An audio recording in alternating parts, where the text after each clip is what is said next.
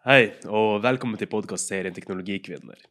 I disse podkastene kommer Norges ledende kvinner i tech-bransjen til å fortelle om sin reise, historier og opplevelser, og synspunkter på temaer rundt tech-bransjen og menneskene som berørte av den. Så hvis du vurderer å gå i denne bransjen, eller allerede har noe fartstid her, så vil denne podkasten ærlig dele hvordan noen av de fremste kvinnelige lederne opplever og tenker på den. Både dens fortid og dens framtid. I denne første episoden av eh, Teknologikvinner så hadde vi over ho Anne Gretland på besøk. Anne Gretland er administrerende direktør i Photoware og har over 20 års ledererfaring fra IT-bransjen. Hun er også en co-founder av Norges største nettverk for kvinner i IT-bransjen, som er da Oda-nettverket, og har vært leder der i ti år. Hun er en veldig ettertrakta foredragsholder, og holder foredrag bl.a. rundt eh, ledelse, likestilling og mangfold. Så det var veldig gøy å ha henne over på denne episoden. Episoden er verta av Cecilie Røe Hansen, og jeg håper dere liker den. Det var en kombinasjon av flere ting. Eh, Kristine Hofernes, som nå er eh, leder i Oda nettverk, og jeg og tre andre damer fra Microsoft. Eh, vi var på et Microsoft-arrangement i USA. Og så sa sjefen for Vest-Europa til oss og mange andre. Vi var invitert til en sånn Kvinner i Microsoft-samling som en del av konferansen. Så det var en lunsj som varte et par-tre timer. Så tenkte vi hm, dette har aldri skjedd før, dette må vi være med på. For den gangen, altså du må tenke på det var, ja, det var 2005 som du sier. Det var ingen som snakk, det var ikke noe organisert sånn kvinner i IT-bransjen den gangen. Så vi dro dit, og så sier europasjefen Vet dere hva? Eh, for at Microsoft skal, skal, fortsette å vokse og være et innovativt selskap, så er det to ting vi trenger. Unge mennesker og kvinner. Det er fremtiden. Eh, vi er nødt til å ha diversity, og dere, dere er invitert hit fordi vi er alle nødt til å gjøre vårt. Lederne må gjøre sitt. Eh, vi, vi toppledere må gjøre vårt, og vi vil at dere skal alle engasjere dere. Hvordan Så vi, vi, vil, vi vil ha flere kvinner. Eh, og så var det noen spennende kvinner som var på scenen og fortalte karrieren de hadde hatt osv. Bl.a. Eh, administrerende direktør i Russland, som da var kvinne. Som ikke var så veldig vanlig. Fortalte om sin reise, og vi ble veldig inspirert. Og så dro vi tilbake til Norge, og så leser vi en artikkel fra England hvor det sto at man hadde gjort en undersøkelse hvor det vistes at kvinner i IT-bransjen i England mistrivdes veldig med å jobbe i IT-bransjen. Og så tenkte vi hva? Det er jo helt forferdelig. Men hvordan står det til her? Eh, så ville vi undersøke hvordan det sto til med kvinner i IT-bransjen. Fordi vi hadde en formening om at her var det ikke sånn i det hele tatt. Her trivdes kvinner. Så da gikk vi til IKT Norge, og så gikk vi til, uh, uh, til Eilert Hannoa, faktisk. Ja. Som nå jobber, som er en av lederne i Visma, og sa hei, uh, vi, uh, vi, vi, vil gjerne kjøre en undersøkelse og har lyst til å være med og hjelpe oss å sponse. Vi gikk jo selvfølgelig til vår leder i Microsoft, Birger Steen, og alle var positive. Så vi kjørte akkurat samme undersøkelsen. Vi fikk tak i spørsmålet og kjørte samme undersøkelsen her i Norge. Og det viste seg at kvinner i IT-bransjen trivdes veldig godt i Norge, men savnet et nettverk for andre kvinner. Ikke sant? Da, pling! Da tenkte vi hm, det kan vi gjøre noe med. Mm. Så da tok vi tak. Eh, fikk tak i eh, mange gode foredragsholdere. Ringte likestillingsministeren og sa hei, vi skal ha et arrangement, vil du komme og snakke? Hun sa ehm, ja, når er det? Vi sa nei, når kan du? Jeg kan da. Ok, fint, da blir det da. Eh, og fikk på plass mange kule spikere. Folk stilte opp. Eh, kjempe, kjempe, kjempebra. Og da ble det Det var egentlig plass til 90, men det kom 120. Og det var den første inspirasjonsdagen for kvinner i IT-bransjen. Hvor hadde dere den? Og da hadde vi den i, i, i auditoriet på Statkraftbygget. For det var der Microsoft holdt til. Mm. Og da kom det også en god del damer som var med og når vi starta Oda nettverk den gangen. Blant annet uh, May-Len Greve og Andrea Johnsen og flere andre. Så, uh, så det var egentlig starten. Så det starta sånn. Men jeg leste at det het Nora-nettverket. Hva, hva, skjedde der? Ja, vi, eh, vi, vi starta jo dette her helt sånn for oss selv. Eh, og ville oppkalte nettverket etter eh, Nora Helmer, selv om det er en sånn fiktiv figur. Da, men hun var en sånn sterk dame som vi så litt opp til. Men så fant vi ut at det å arrangere inspirasjonsdag, det å ha nettverkstreff, det å, ha, å være organisert og, ha, å drive en frivillig organisasjon samtidig som du har en fulltidsjobb, det var ikke så lett. Så da gikk vi til IKT Norge og så spurte vi eh, kan vi være så snill å få litt hjelp av dere. Eh, fordi de hadde jo et program som het Oda talentprogrammet. Og da sa de ja, vet du hva, vi kan hjelpe dere, dere kan få bruke weben vår. Eh, så da, da vi liksom, inngikk vi et samarbeid med dem, da. Og så, vi, så tok vi Oda-navnet. Og så gikk det et par år, så vokste jo vi på en måte ut av det. Vi, vi, vi laget jo vår egen web til slutt, og vi, vi, hadde jo ganske mange arrangementer. sånn at vi, skiltes der som venner på, etter et par-tre år. Men vi beholdt Oda-navnet, da. Fordi da, jo, da, var vi jo blitt en organisasjon som var ganske kjent. Mm. Så vi har, fått, vi har, vært veldig heldige som har hatt mange støttespillere. Til Norge og Abelia og flere andre opp igjennom som har hjulpet oss. Og det er vi veldig takknemlige for. For det er klart, vi, en, vi, har og er en frivillig organisasjon. Og alle de fantastiske damene som har vært med og bidratt til, til Oda-nettverk opp gjennom de tolv årene som nå har holdt på, det er jo helt enestående. Det hadde jo ikke blitt til hvis ikke. Men vi så jo ikke for oss at det skulle bli så stort, og vi tenkte jo bare at det vi ønsket, var å skape en møteplass for andre kvinner i IT-bransjen. Eh, til å supplere, supplere de arrangementene som var der. Men vi så det at det var mange damer som var helt alene på sin arbeidsplass, og man trengte et sted hvor man kunne diskutere sikkerhet med andre damer, eller infrastruktur med andre damer. Ikke, fordi i IT-bransjen var man bare omgitt av menn. Mm. Og ikke at det er noe galt i det, men du har behov noen ganger for å snakke med andre damer om faget ditt, eller hvordan det er å være eneste kvinne på arbeidsplassen. Eller bare noen få. Mm. Så det, det, var jo liksom det vi ville. og vi vi hadde jo et mål på et eller annet tidspunkt om ja, kanskje vi skal få 1000 medlemmer. Er, er vi helt crazy hvis vi tror det? Ja, vi setter oss et mål, vi er litt sånn gærne. Eh, og nå er det vel 10 000. Ja, det så, så, det er helt klart at det er et behov, da. Mm. Og mange har jo kommet både til meg og flere andre gjennom disse åra og sagt Pga. dere har jeg fått meg jobb i IT-bransjen. Pga. dere har jeg valgt å ta et valg og begynne å jobbe i IT-bransjen. Pga. dere så har jeg eh, blitt inspirert til å jobbe med IT. Og det er jo bare helt fantastisk. Altså, det er jo som man blir helt uh, ja. God følelse? Ja, det er skikkelig god følelse, altså. Så det er, eh, det er gøy. I Compello så, så, eh, jobbet du med å øke kvinneandelen. Ja. Og var du en del av det? Ja, altså det, det initiativet starta før jeg kom. Uh, de har vært veldig flinke, både daglig, tidligere daglig leder der, Gustav Line, og Camilla Bakjord, som var markedssjef, og flere andre. Hadde jo jobba ja, jevnt og trutt med det. Og når jeg kom inn, så fikk vi jo også enda, mer si noe, bensin på bålet, fordi jeg er jo veldig opptatt av det. Og det, og, og det er litt sånn små grep som man kan gjøre, ikke sant. Fordi eh, jeg jobba jo tett med CTO-en, og der var det jo ingen kvinner i utviklingsavdelingen da. Og da var jo han også veldig opptatt av ok, hvordan skal vi få kvinner. Uh, og da sier jo han som veldig mange gjør, ja, men jeg har eh, annonser ute, og det er ikke noen kvinner som søker. ja, ikke sant? Og da, og da, er det veldig lett å si uh, det er ikke noen kvinner som søker. Nei, nei. Og så trekker man på skuldrene, og så går man videre. Men det er jo der man må stoppe på å si hvorfor det? Eller egentlig bare drit i det. Hva skal vi gjøre for å få kvinner? Mm. Uh, og så gjorde, satte vi oss ned og så, så på ok, uh, CTO-en, Yngvar Rugland og jeg, hva er det vi skal gjøre? Nummer én, vi kan jo ikke skrive en tekst som vi syns er fin. Du må jo ha noen i tankene altså, Vi snakker hele tiden i markedsføring om personas. Du har utgangspunkt i personas. Hvem er det du vil skal treffes av markedsføringen din? Det samme må du jo gjøre når du skal ha en annonse ute. Hvem er det du vil henvende deg til? Og så må du skrive den annonsen til det. Bruke ord og uttrykk som appellerer til både kvinner og menn. Og få frem det at uh, du er for eksempel, har fleksibel arbeidstid. Og det er jo der IT-bransjen virkelig har en fordel. Virkelig. Ja, for du kan, jo, du kan jo jobbe hvor som helst fra. Du kan jo mm. jobbe hjemmefra hvis du vil det.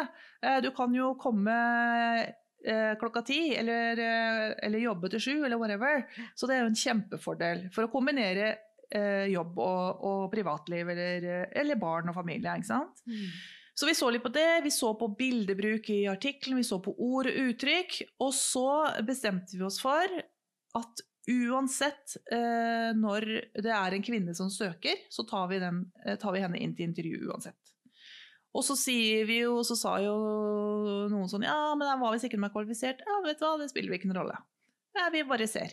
Fordi at, eh, og det vi så, var CTO-en helt, kom helt sånn excited etter en sånn første intervjurunde. Ja, men de damene herregud, de var dritflinke, man har ikke fått fram det på CV-en. Nei, nemlig. For noen er ikke like flinke til å skrive en CV, og så kommer du ikke på intervju fordi CV-en din er ikke, du har ikke vært like flink til å få frem hva du kan. Men kommer du på intervju, blir stilt de riktige spørsmåla, så kommer det plutselig frem. Mm. Og det er også en sånn viktig ting å tenke på. Så vi, fra da så sa vi jo ok, hvis det er damer som søker på tekststillinger eller utviklingsstillinger, da bare tar vi dem til intervju uansett. Og det gjør vi også når vi Fotover. Vi bare gjør det. Ja. Eh, og så har du i hvert fall hatt de damene inne. Og så hvis det viser seg at det er helt eh, er liksom ikke bra, og CV-en faktisk stemmer, det er ikke bra, noe som aldri skjer, fordi det var alltid bedre enn det som står på CV-en.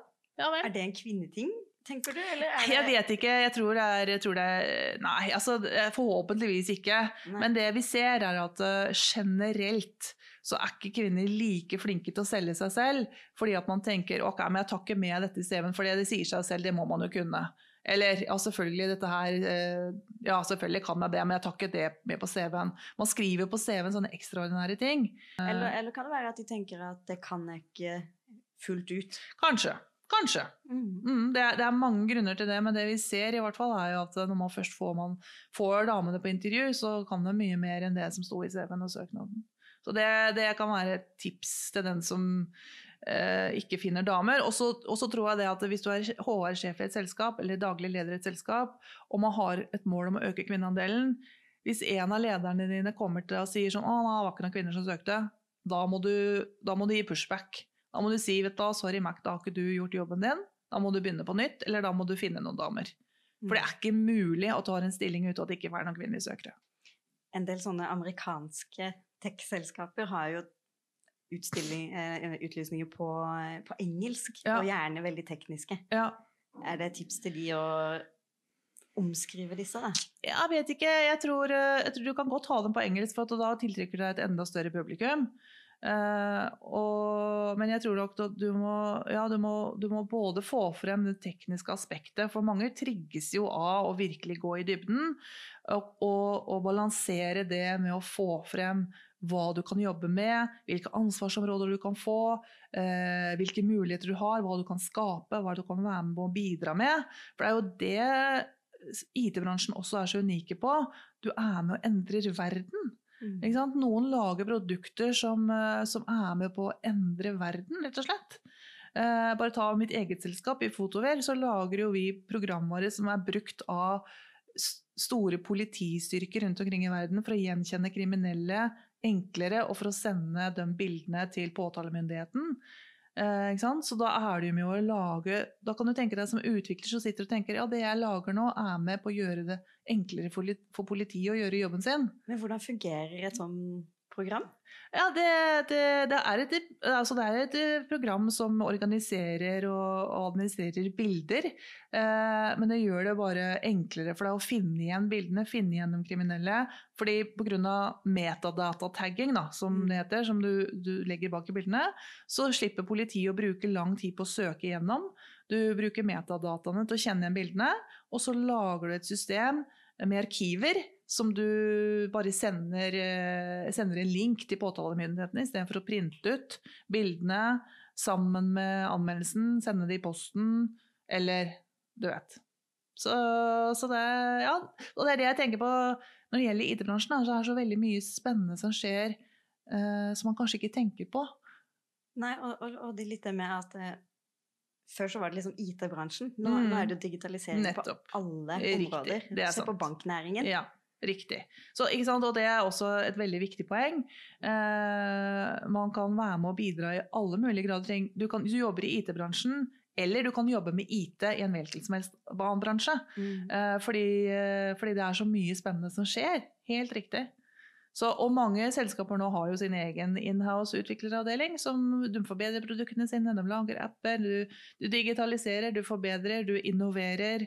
Eh, du gjør de stegene som før tok lang tid, da, eh, til ingenting. Eh, ta for eksempel mitt, min, En av mine favoritter når det gjelder digital innovasjon, er jo det at før, når jeg skulle parkere, så måtte jeg faktisk gå og parkere, gå og hente en lapp. Sjanse på at jeg skulle være ferdig innen de to timene. Legge den lappen i ruta, og så gå. Mens nå kjører jeg bare inn i parkeringshuset, blir registrert, og så kjører jeg ut igjen, og så blir jeg registrert. Trenger ikke å tenke på noen ting. Ja, det er nydelig. Det er ikke sant at det er. Eh, Forenkling av hverdagen. Nettopp. Det er forenkling av hverdagen og, og, og forenkling av antall steg som skulle til for å få noe gjort før kontra nå. Og hvem er det som ikke vil være med på det, da? Altså, det er jo helt fantastisk spennende. Det er jo, og, og det som er så bra, er jo at IT-bransjen skriker etter folk. Vil jo gjerne ha flere.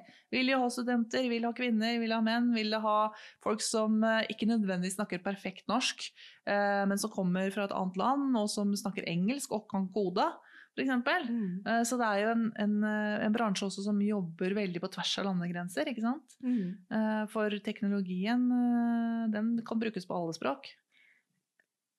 I 2016 så startet du en eh, blogg. Ja!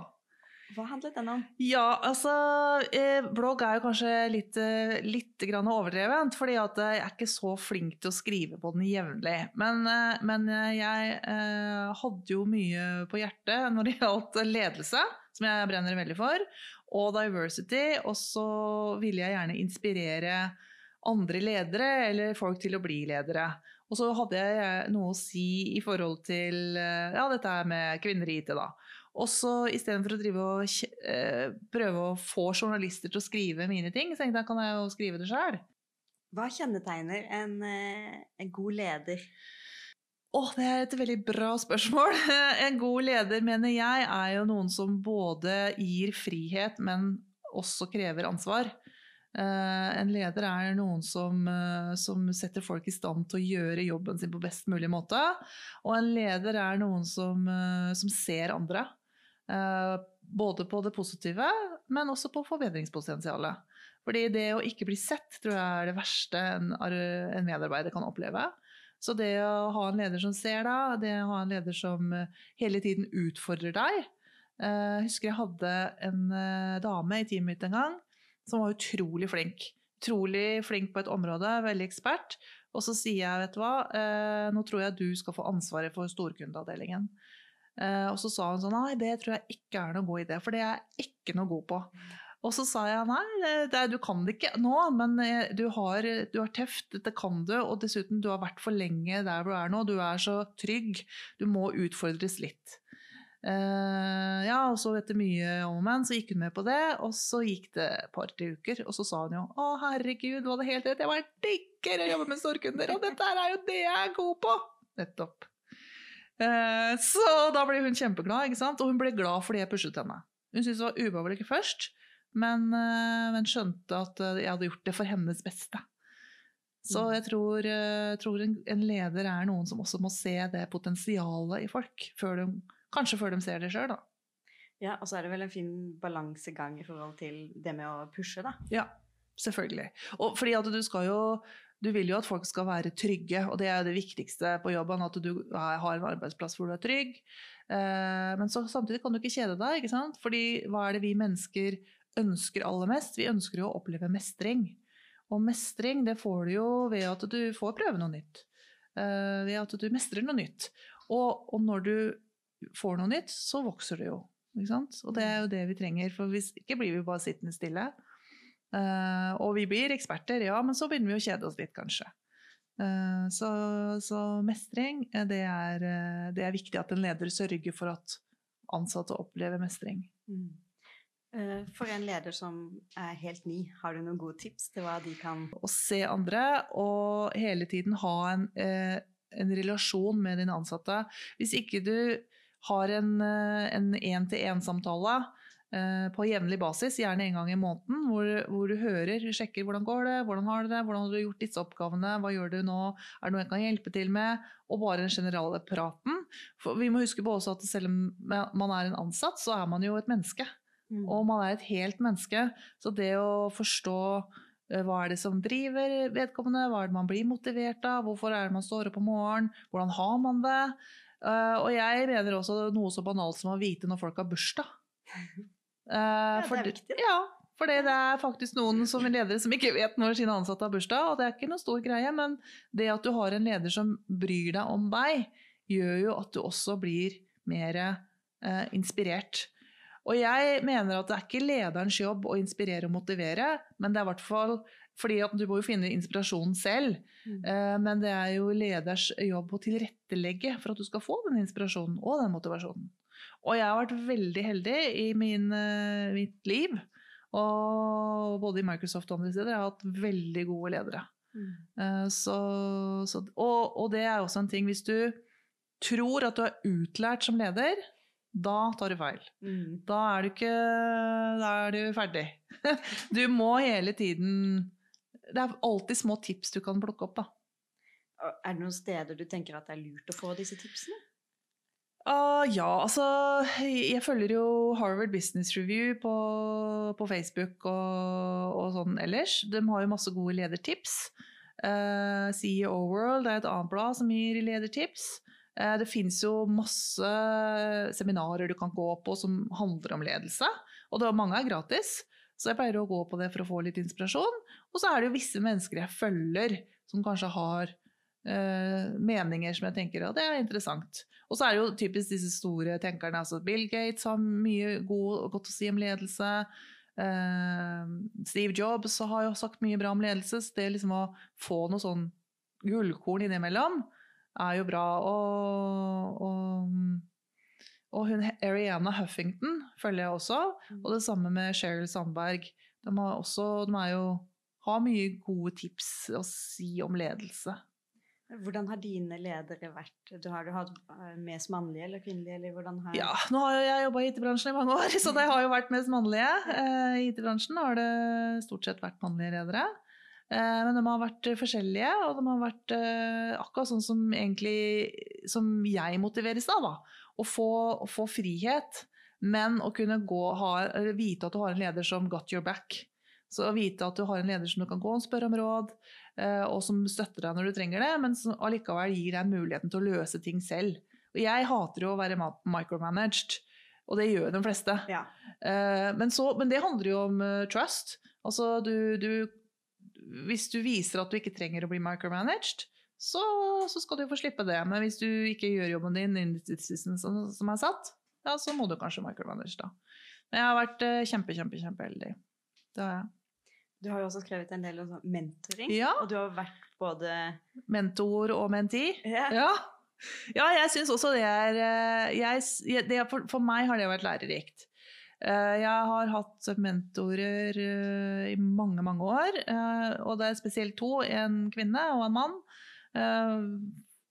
Ikke at det spiller noen rolle, men, men, men i IT-bransjen så har det kanskje det. For at hun som kvinne kunne ha sagt sånn Har du opplevd dette noen gang på møtet? Eller hvordan takler du disse tingene? Eh, I tillegg til å snakke om business. Og jeg, jo, jeg, jeg oppfordrer jo folk til å få seg en mentor. Fordi at da kan du diskutere ting som du ikke kan diskutere med sjefen din. Du kan diskutere ting i full konfidensialitet som du kanskje ikke diskuterer med kollegaene dine. Og så kan du diskutere ting som ikke du kan diskutere med vennene dine. Fordi at du, du det, er, det er kanskje ting som er karriere, karriereråd, eller en utfordring du har på, på jobben, og da trenger du en mentor, mener jeg, da. Eh, og jeg har også en sånn mentorsirkel som jeg er en del av. Vi møttes for mange mange år siden da vi var på ledertrening, et sånn årsledertrening i Microsoft. Eh, og vi var da ledere av ledere igjen, altså manager managers. Og vi bestemte oss for å treffes på jevnlig basis. Så vi er to stykker fra Norge, to fra England, to fra Tyskland og én fra Irland. Og vi møtes to ganger i året, hvert år i tolv år har vi møttes nå. Oi, hvor møtes dere der? Og da møtes vi i ett av de landene. Ja. Som regel så at noen slipper å reise. Og da møtes vi typisk sånn der fra torsdag til lørdag. Uh, og da, da kommer vi inn med ferdig definerte utfordringer som vi trenger hjelp til hverandre. Og da kan det være lederutfordringer, det kan være topplederutfordringer, det kan være infrastrukturutfordringer, det kan være fagutfordringer. Og det er veldig, veldig lærerikt. Men hvordan er det med kulturelle arbeidsforhold? Ja, Det er jo det som er ganske også interessant. Da? For du får jo den, eh, den kultur, kulturforskjellen. Og da kan du si ja, men i, jo, i Tyskland så løser vi det sånn, eller ja, vi, da har vi disse reglene som vi må forholde oss til. Og særlig da kanskje innen HR og ledelse og personal, så er det andre regler, men da lærer du. Ah, ok, er det sånn dere gjør det? Hm, interessant. Ja, riktig, vi gjør det sånn her. Eh, så det er en eh, det, det å ha noen å diskutere ting med i konfidensialitet, og hvor du kan være deg selv, eh, og som det er noen andre enn dem som ser deg hver dag, det er veldig lærerikt. Og jeg har jo vært mentor også for mange. eh, og da har hver sin menti hatt sin, eh, sin preferanse til hvordan man ønsker å gjøre det. Har de tatt kontakt med deg Ja, direkte, da? Det er riktig. Og det, og det oppfordrer jeg også til. Hvis du, hvis, hvis du da, Mm. eller noen, som, eh, noen andre ønsker en mentor, så tenk på er det noen du tenker kan gi deg noen verdifulle råd. Er det noen du kanskje ser opp til? Er det noen som du tenker at eh, denne personen sitter med kunnskap?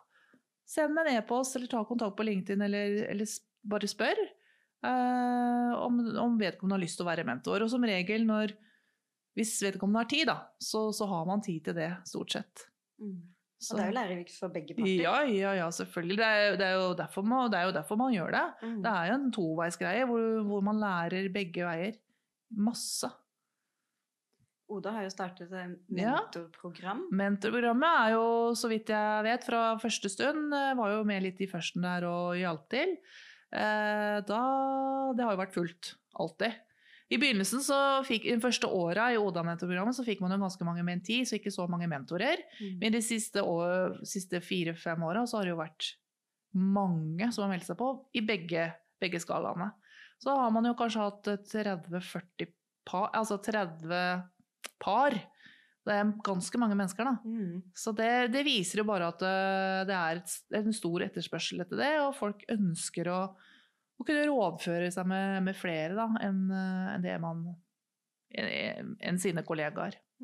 På Oda inspirasjonsdag, jeg tror det var to år siden, så var, det, eh, så var du på scenen og, og fortalte en ganske morsom historie om, eh, om en som søkte på jobb der din mann jobber. Ja, det stemmer. Ja, det var, eh, det, det var gøy, egentlig. Og den historien har jeg fortalt et par ganger, for jeg syns den illustrerer hvor viktig det er, noen av de tingene som jeg snakker om. Da.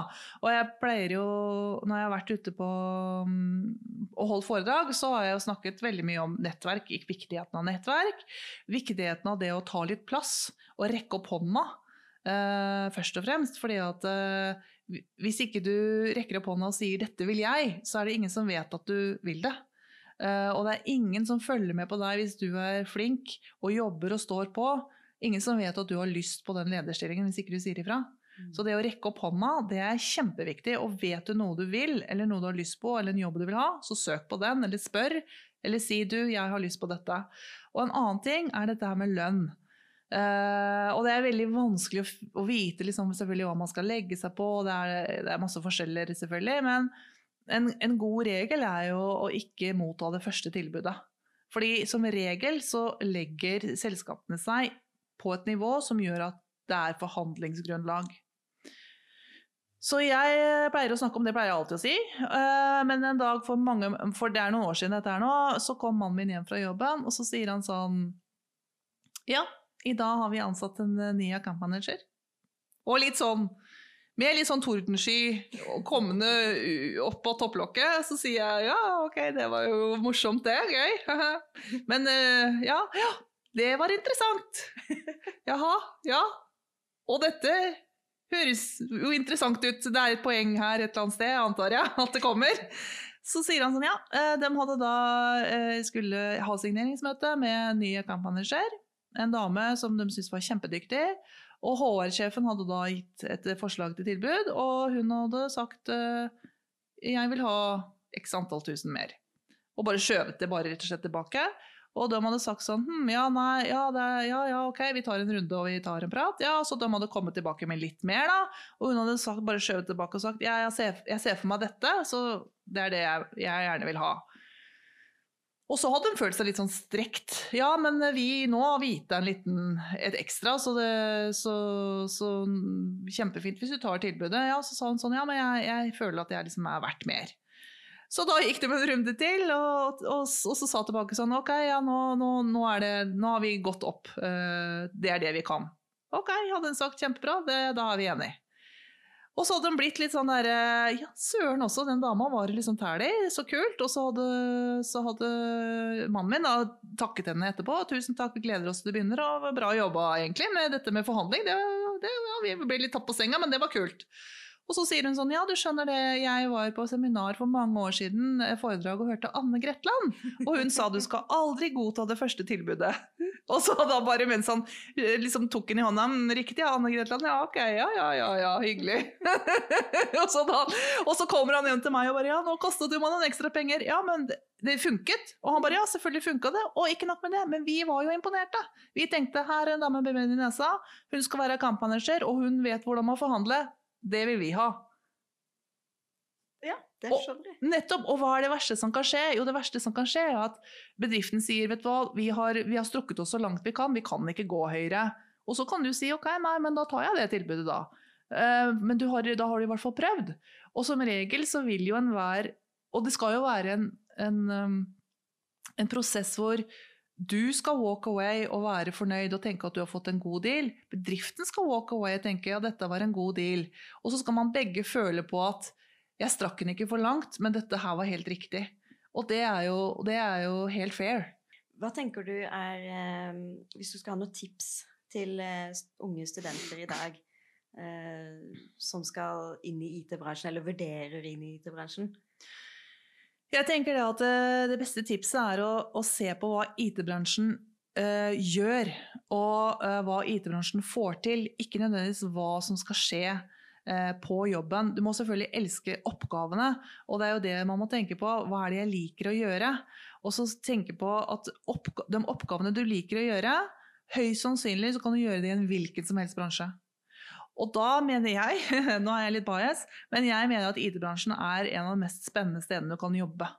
Eh, For det er så mye som skjer. Du får masse frihet, du får masse muligheter, det endrer seg, og, eh, og du kan være med å påvirke verden.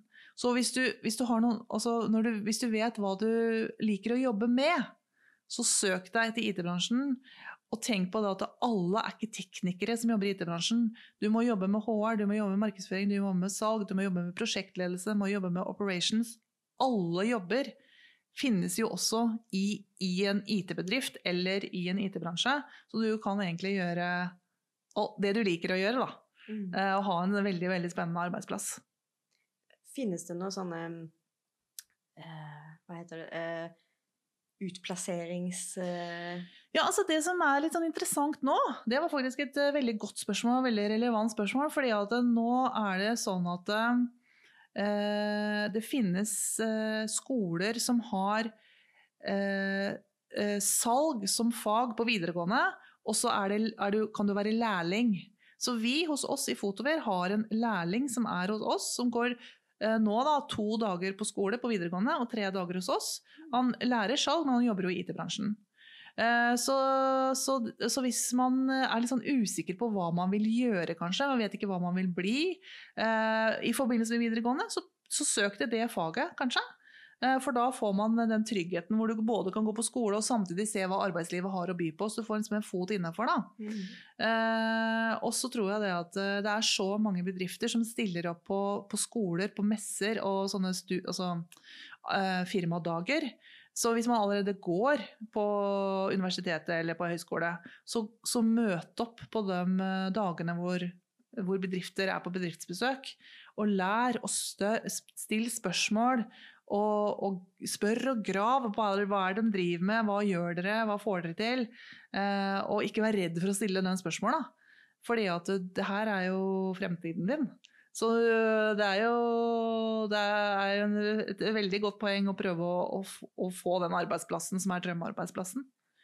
Tenker du at eh, elever kan ta direkte kontakt med bedrifter, Ja. eh, Ja. se- selv om de ikke har lærlingplasser? Ja, det syns jeg. Det synes jeg. Og vi, til oss får vi faktisk en god del åpne søknader. Eh, Det som jeg tror veldig mange studenter glemmer, eller, eller andre glemmer, men særlig når man er ung, man tenker på seg selv og man, eh, man tenker på hva man selv skal få ut av det. Men det man tenker på hvis man skal ta kontakt med en bedrift, er jo å si hva kan jeg tilby dere? Mm. Eh, Ja, jeg er ung, men jeg kan dette, jeg har passion for dette, jeg kan bidra med dette, jeg har lært dette, jeg har studert dette. Prøv å tenke på hva du skal gi til bedriften, ikke bare 'oi, dette var et veldig lærerikt sted for meg å være'. for det ser jeg veldig mange unge går litt i den fella. Ja. Uh, man snakker litt om å tenke på hva man selv skal få ut av det.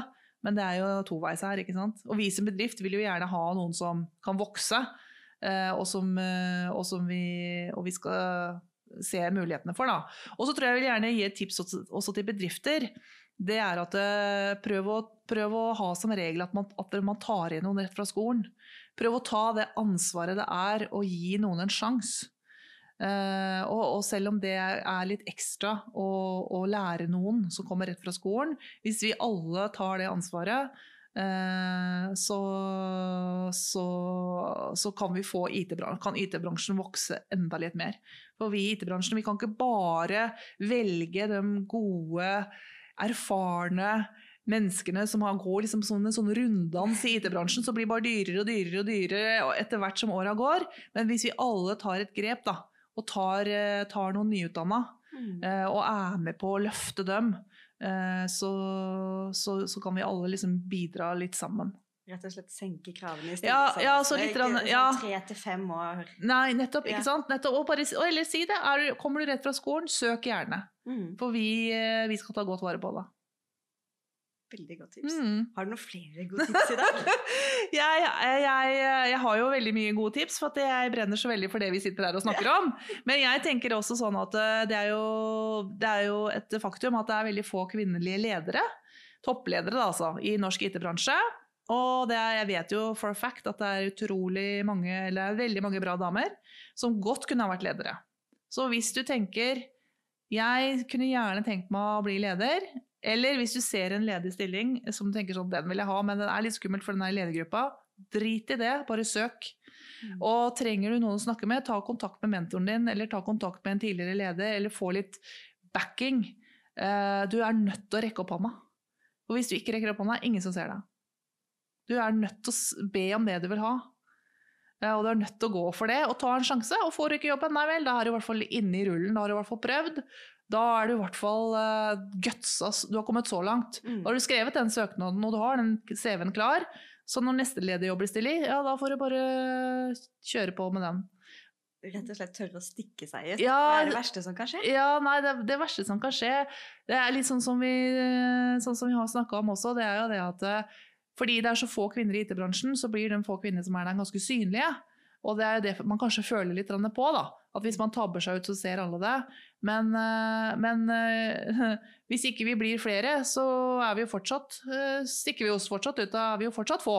Mm. Så vi er jo bare nødt til å, å jevne ut den forskjellen litt. Da det er 16% kvinnelige ledere i IT-bransjen og 28 kvinner. Det er, det er vi som er her fra før, må liksom bane litt vei òg. Mm. Og så må vi backe hverandre opp. Ja, hvordan kan vi backe hverandre opp? Ja, da må vi jo heie litt mer på hverandre. Altså Heie er kanskje et så dumt ord, men uh, men vi må nettopp gjøre det. Hvis, du, hvis i ditt selskap du ser en lederstilling som er ledig, og så må du gå til hun ene som du syns er jævlig flink, og så kan du si du, den her syns jeg du skal søke på. Mm. Uh, og hvis du trenger referanse, så kan jeg stille opp for deg. Eh, eller hvis i møter noen damer sier noe veldig bra som du er helt enig i, så får du bare si det høyt. da. Det var veldig bra sagt, veldig godt poeng. Jeg er helt enig med deg. Altså Vise litt sånn støtte, og, og kanskje dytte hverandre litt.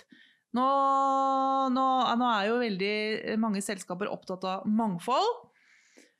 Og vi har snakka veldig mye om hvordan vi tiltrekker oss flere kvinner til IT-bransjen. Men så er det jo mange aspekter av det. Som bedrift må du tenke på når vi har et arrangement, vi må ha både kvinnelige og mannlige spikere. Eh, når, vi har, eh, når vi skal ha noen som er konferansierer, må det både være kvinnelige og mannlige. Eh, når noen skal få en forfremmelse, må vi passe på at det er både kvinner og menn som får den forfremmelsen. Skal vi sende noen på et talentprogram, så må vi passe på at det er like mange gutter og jenter som blir sendt på det talentprogrammet. Skal vi sitte og rekruttere internt til en lederstilling, ja, da må vi passe på at i topphulen og de topp tre som er igjen, og da er det både kvinner og menn. Alle sånne små steg må en bedrift ta, ellers så blir det skjevhet. Og så må vi være med og hjelpe hverandre, både kvinner og menn, og sørge for at vi får, eh, får flere jenter til å søke seg til IT-fag, Flere jenter til å søke seg i IT-bransjen, og flere damer til å fortsette å være der, og flere damer til å bli lederstillinger. For vi ser jo det når en ledergruppe består av både kvinner og menn, at det er bedre flyt, bedre dynamikk, man får gjort mer. Og det er et faktum at de bedriftene som har en høy, høyere kvinneandel enn vanlig, de eh, tjener mer penger. Det viser McKinsey-undersøkelser år etter år etter år. Hvorfor tror du det? Eller, det er, har de undersøkt noe mer på ja, altså det? er jo fordi at man, uh, man, kommer inn med forskjellige innspill, man kommer inn med forskjellig bakgrunn. Uh, og det at hvis du bare har menn som tar alle avgjørelser, så tar jo uh, en avgjørelse som som, som, representerer halvparten av befolkningen, da. Ja. Ikke sant? Mm. Så, så, det å få den balansen mellom tanker og meninger og, og, erfaringer og bakgrunn og innspill og, og whatever, da, da, tar du jo bedre beslutninger. Jeg, jeg likte jo veldig godt når president, tidligere president Barack Obama var på Oslo Business Forum. Da sa han jo det Når jeg tok For det første han så kunne jeg ikke tenkt meg å ha hatt en, en gruppe rundt meg hvor det bare var menn. Jeg, jeg, skulle ha kvinner og menn. Og når jeg tok de aller, aller viktigste beslutningene, da sørget jeg for å ha i rommet mennesker som jeg visste var uenige med meg, som jeg visste hadde andre meninger enn meg, og som jeg visste kom til å stille kritiske spørsmål til meg. Fordi jeg var nødt til å sørge for at jeg hadde en mangfoldig gruppe mennesker som kunne gi meg råd. Hvis jeg bare hadde folk rundt meg i min ledergruppe som jeg visste var enige med meg, og som, som hadde samme erfaring som meg, samme bakgrunn som meg, som kom fra det samme skolen som meg, og da hadde jeg ikke trengt dem da, for da kunne jeg bare tatt den avgjørelsen selv. Godt poeng. Ja, ikke sant? Så du, som leder så vil du jo ta, du vil jo ta en beslutning som er basert på at det er gjennomtenkt og, og det har vært innom forskjellige nok mennesker til at du kan ta den riktige beslutningen. Ikke ta en beslutning eh, som er bare det du allerede har tenkt sjøl. Det, da, da, da, det, det, føles sikkert veldig sånn behagelig, men, men, du skal jo til syvende og sist tenke på hva som er bedriftens beste. Eh, og de fleste bedrifter ønsker jo å tjene mer penger og vokse. Og da går det jo ikke bare på kvinner og menn, da går det jo på alder ja, ja, ja. Selvsagt. Ja, ja. Så det du sier er hvor viktig det er med forskjellig bakgrunn i en ledergruppe. Ja. Men gjelder det samme i forskjellige teams? Ja, jeg synes at uh, altså I en bedrift så tenker jeg at du må ha forskjellige typer mennesker både i, i virtual teams og i ekte ledergrupper eller team, og, og også sånn i bedriften.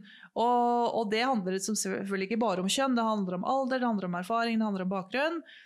Men nå er vi jo her for å snakke om kvinner. Mm. Eh, og, da, og, da, tenker jeg det at eh, hvis en bedrift sier ja, vi har 30% kvinneandel, vi er kjempeflinke, og alle de damene jobber i marketing, eh, så er det ikke nok. Ikke For du må, ha, du må, ha, kvinner, og du må ha forskjellig bakgrunn og alder og erfaring i alle avdelingene. Så de tallene, når det er 28% kvinner i IT-bransjen, mm. er HR og eh, markedsavdelingen telt med da? Ja. Det er det. Mm. Og der er det jo Hvis du ser på HR og marked innenfor IT-bransjen, hvor stor prosentandel kvinner tror du det er der? Nei, det vet jeg ikke. Uh, men jeg tror nok det er uh, Jeg tror in, Altså uh, hva skal vi si for noe, På generell basis, da, må være forsiktig og mm. liksom ikke være sånn bombastiske, men på generell basis så er det jo Så jobber du jo i, i, markedsavdelingen og i HR og i finans jobber det veldig mange kvinner. Mm. Eh, og så er jo poenget å øke eh, andelen kvinnelige utviklere og kvinnelige teknikere og kvinnelige eh, innenfor operations. Så man må jo Man kan jo ikke være helt sånn happy med seg selv som bedrift hvis man har en, uansett en skjev fordeling, da. Mm. Eh, målet er jo å ha kvinner i alle avdelinger i bedriften. Eller målet er å ha mangfold og kjønnsbalanse og aldersbalanse og kulturell balanse og erfaringsbalanse i alle, alle avdelingene. Så man kan ta de riktige beslutningene. Mm. Og, eh, og, og, da kan jeg bare eh, si én ting på slutten. At eh, i Fotover så har vi jo også har vi 52% av dem som jobber i bedriftene, er under 30 år. Uh, og det er vi litt sånn stolte av. Og 10, uh, 10 av 40 kommer fra andre land enn Norge. Uh, og at vi har 40% kvinneandel. Men, og det som er litt interessant, er at når du får unge mennesker, så blir du utfordra. Og det mm. er litt ubehagelig. Men det er jo det som er bra. Ja, men, tusen, tusen takk for at du var her i dag, Anne. Det har vært eh, utrolig gøy å snakke med deg. Tusen takk skal du ha, det har vært kjempegøy!